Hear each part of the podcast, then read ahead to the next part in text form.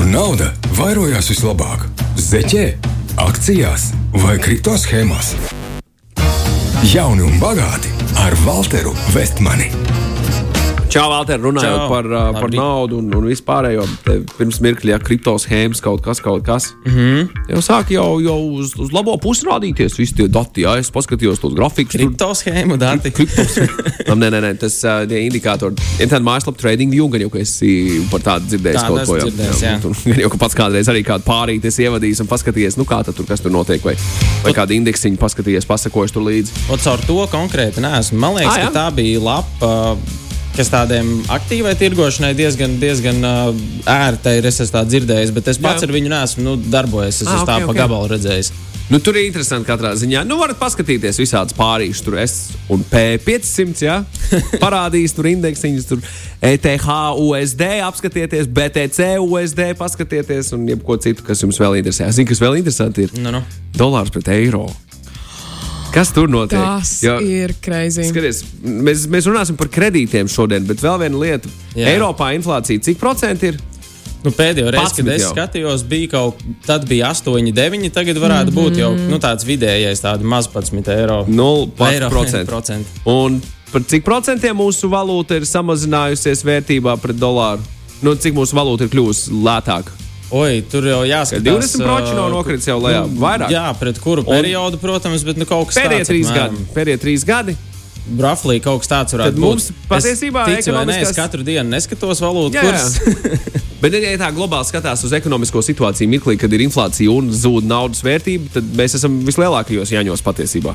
Nu, tā, tam, tā tas būtu. Nu, Nu, zini, kā, ir. tas ir tā, ja tu dzīvo savā, uh, ja tu dzīvo tajā savā Eiropā, tad jau tas.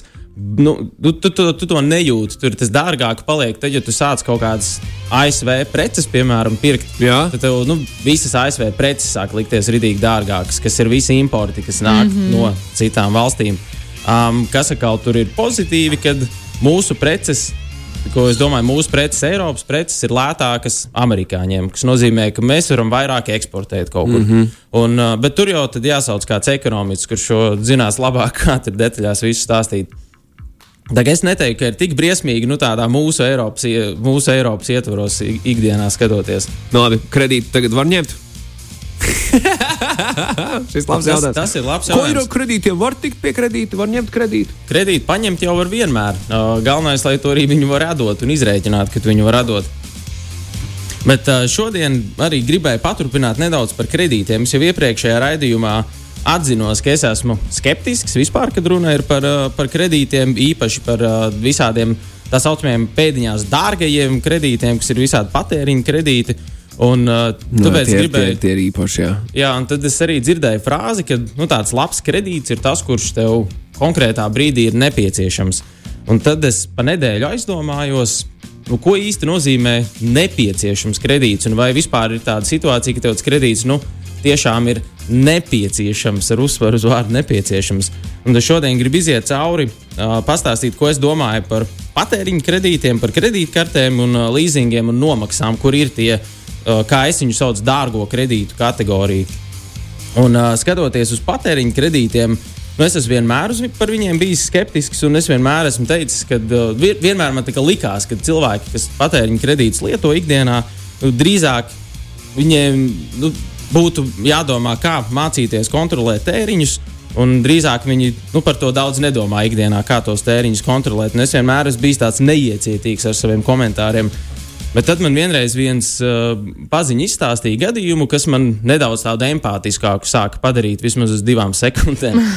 Un, uh, viņš stāstīja, piemērs, teiksim, ir freelanceris, strādā, nav viņam fiksēti ienākumi, un uh, nu, strādā no projekta uz projektu, un pēkšņi viņu tur uzmet kaut kāds klients vai divi, un pēkšņi nesamaksā, tagad mēneša beigas. Nu, ko darīt? Rēķini pašam jāmaksā, kaut ko ēst arī vajag.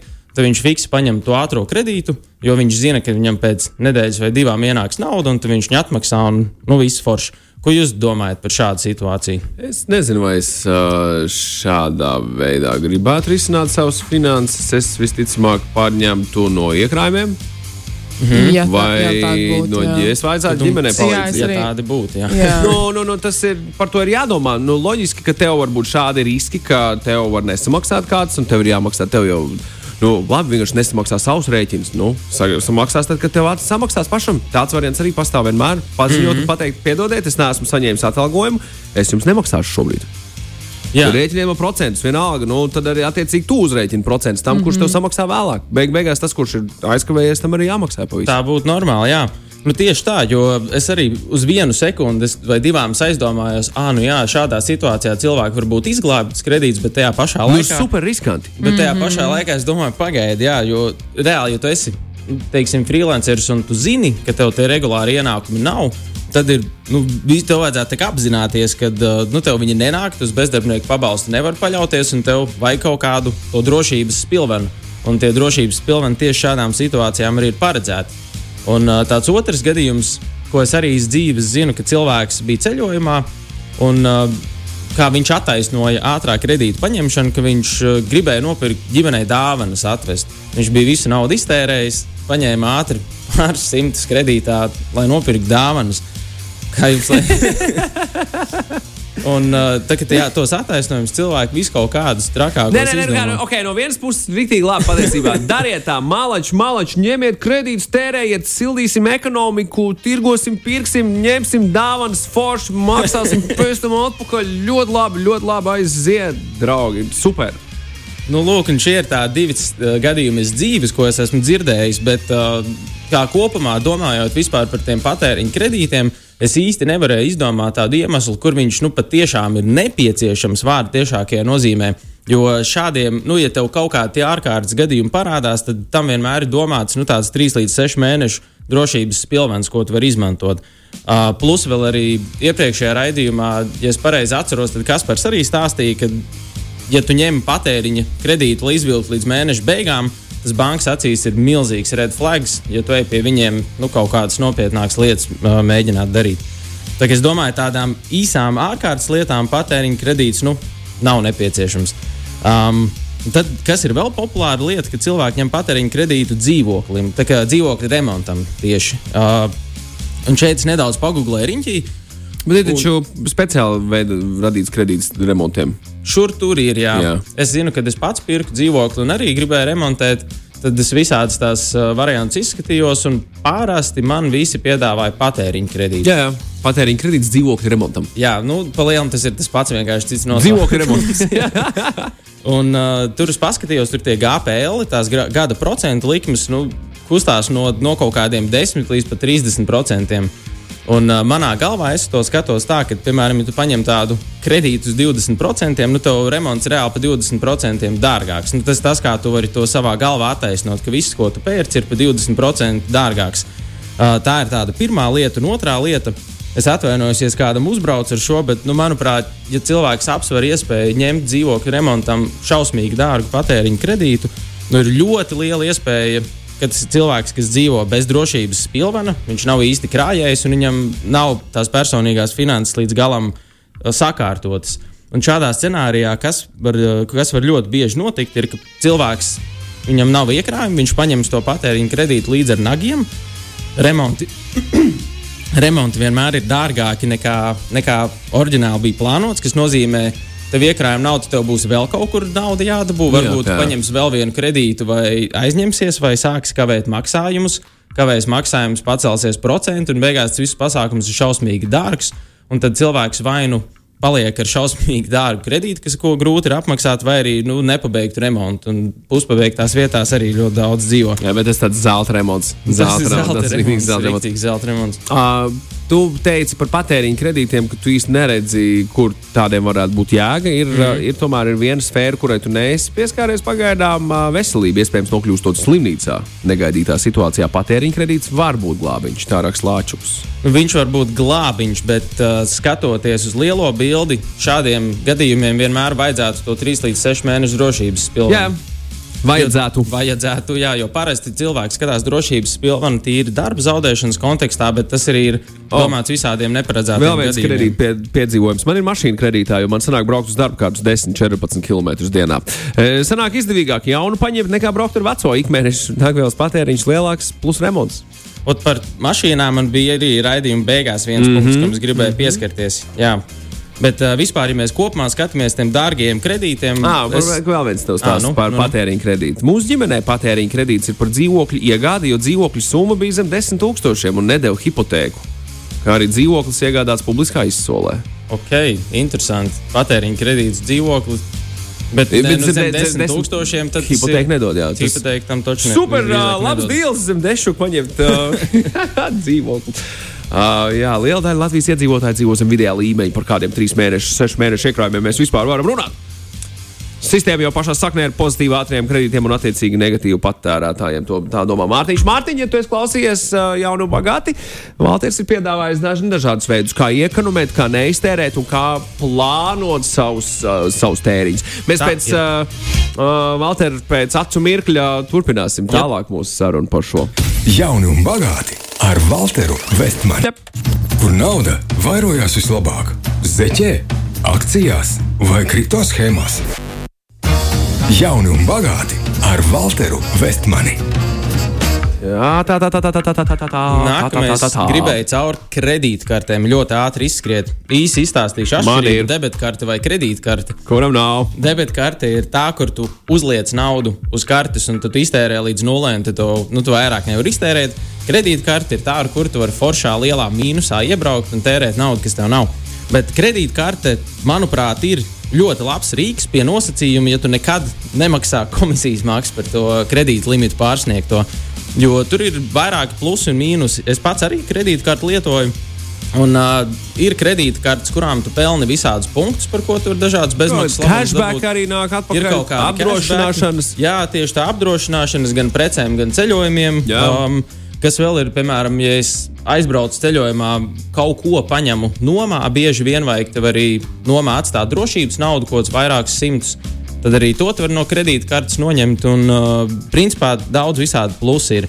Kas ir tāds viens liels mīnus, ko es pamanīju, sākot kredītkarti lietot, ka es sāku vairāk tērēt naudu.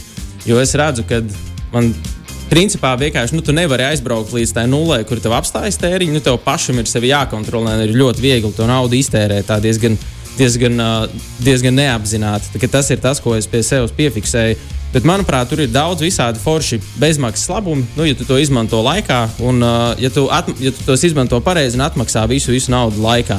Bet parasti tās kredīt brīvdienas tur arī ir kredītkartēm diezgan garas. Tā kā par kredītkartēm es neesmu traki skeptisks, teiksim tā. Uh, nākamais ir kaut kāda leasinga un nomaksas. Es atceros pirmo reizi, kad es iegāju vienā veikalā un es pamanīju, ka tur paņemt bikses leasingā. 30 eiro bikses, un tur viņas atmaksāt tur 12 mēnešu laikā. Tas man bija milzīgs šoks. Uh, ka, nu, principā, līdz kurienei tā industrija ir aizgājusi. Un es neesmu nekad līdz šim ņēmis leasingus, izņemot tikai uz uzņēmuma tā saucamās bezprocentu nomaksas, kur tev nekādu procentu neuzrēķina, vienkārši tu tikai nomaksā. Es nezinu, vai to vispār privātpersonām piedāvā. Es zinu, ka uzņēmumi tā var darīt. Es to esmu darījis ar savu uzņēmumu. No vienas puses, it kā man likās, nu, kāda atšķirība, ja tu tāpat tās nu, nepārmaksā. Finansiāla atšķirība nekāda nav.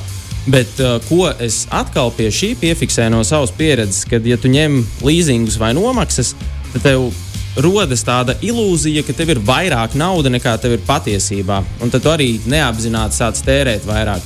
Piemēram, ja tev stāv līzingā, tur leduskapis, televizors, bikses, telefons un vēl kaut kas, un kontā pieņemsim stāv daži tūkstoši eiro. Nu, tu jūties diezgan ērti. Tev ir tie tūkstoši kontā, un tu turpini nu, turpin to naudu tērēt. Bet patiesībā tev tas konts varbūt tās ir nulle. Piemēram, tev apstāsies ienākumi, tur varbūt nemaz nevarēs atdot visus tos līzingus, kas ir paņemti. Tā, tur ir arī tas tāds psiholoģisks efekts. Un priekš manis tāds zelta likums, ko es cenšos uh, ievērot ar parastām precēm, nu, ja es to nevaru nopirkt ar skaidru naudu, tad visdrīzāk es to vai nu nevaru atļauties, vai man to varbūt nemaz īsti nevajag. Jo par daudz precēm tur ir tas jautājums, nu, ka man to nevis vajag, bet man drīzāk to gribas. Gribas lielu foršu teļuku, gribas jaunu telefonu, jaunu datoru, bet uh, vienmēr var pajautāt, nu, vai man to reāli vajag, un ja es to nevaru paņemt un nopirkt, nu, varbūt tās ir tā, ka es to īsti līdz galam nevaru atļauties.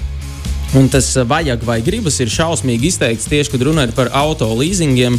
Un uh, šeit man, godīgi sakot, nav vieglas atbildes, jo es neesmu vēl izdomājis, ko es domāju par auto leasingiem. Pašam man auto šobrīd nav. Es joprojām braucu ar divriteni, ko man 2005. gadā vecāki Lieldienās uzdāvināja. Un tas ritenis iet un viss ir. Ričuks. Jā, jā. labi.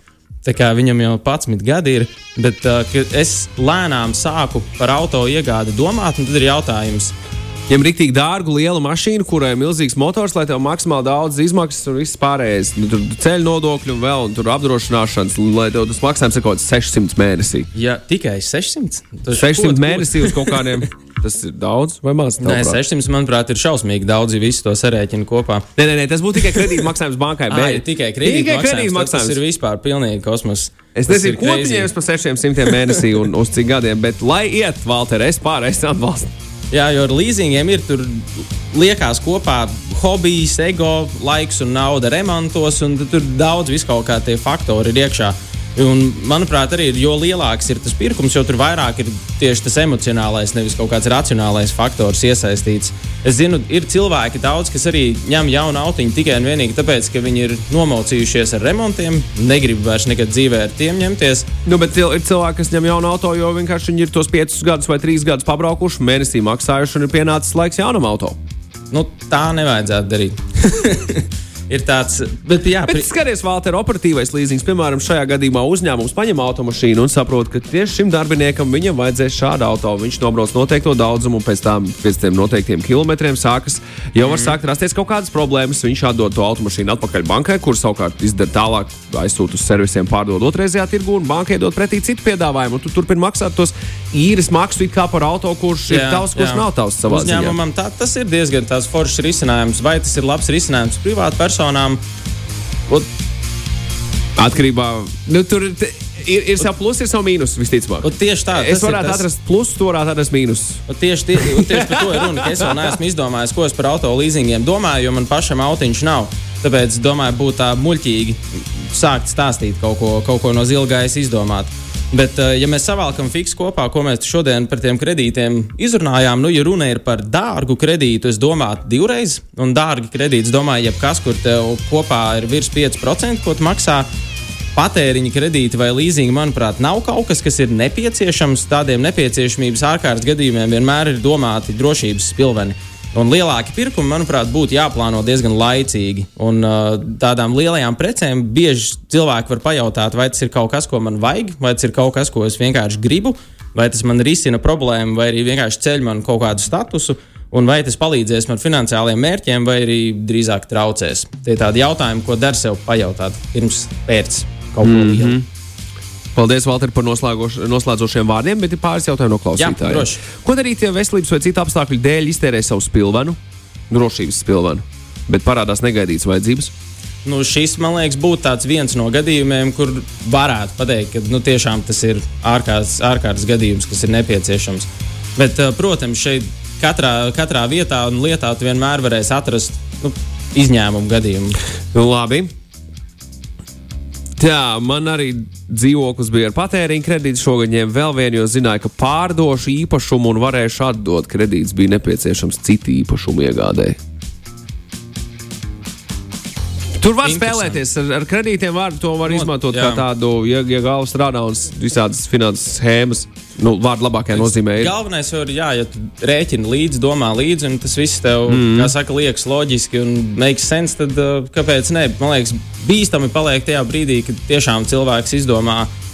Paņemšu vienkārši kredītus, tāpēc, ka var ātri un vienkārši un īsti neparēķinu, nu, pie kāds ir novest galvā. Jauniešiem par šo būtu jādomā pavisam, pavisam, pavisam noteikti daudz, mm -hmm. sevišķi agrajā vecumā, ja agrajos 20. Uh, Tīņu nu, pilngadību sasniedzot, jā, nestaisīt sev problēmas ar ātriem Jā, kredītiem, kas var var- ietekmēt kredītu vēsturi un tālāko, tālāko finansiālo dzīvi. vai ne? Jā, var ļoti viegli kaut ko paņemt un neizdomāt līdz galam, kur tas var novest. Mm. Starp citu, preces bez procentiem ir arī privātpersonām pieejamas. Ir vairākas vietas, ir arī re, Inga raksta par kādu konkrētu tirgotāju šajā gadījumā. Nesauksim, uh, lai nebūtu jā. reklāmas. Uh, jā, uh, šis te Jā, šeit ir tas in interesantais faktors. Nu, ja tu paņem tās bezprocentu nomaksas, tev ir tā ilūzija, ka tev ir fakt, vairāk naudas nekā tev faktiski, Faktiski, jā. patiesībā ir. Lūk, lūk, lūk, lūk. tas par kredītiem. Valter, paldies uh, par jaunu un bagāti. Lūk, un nākošu nedēļu runāsim par hipotekāriem kredītiem. Oh. Nāks viesis tieši konkrēti par hipotekāriem būs tēma. Skaidrs, skaidrs, skaidrs. skaidrs. Paldies, Valter! Čau! Paldies, čau! Jauni un bagāti ar Valteru Vestmani. Šis uh, raidījums tapis sadarbībā ar neatkarīgo producentu Vestman Media.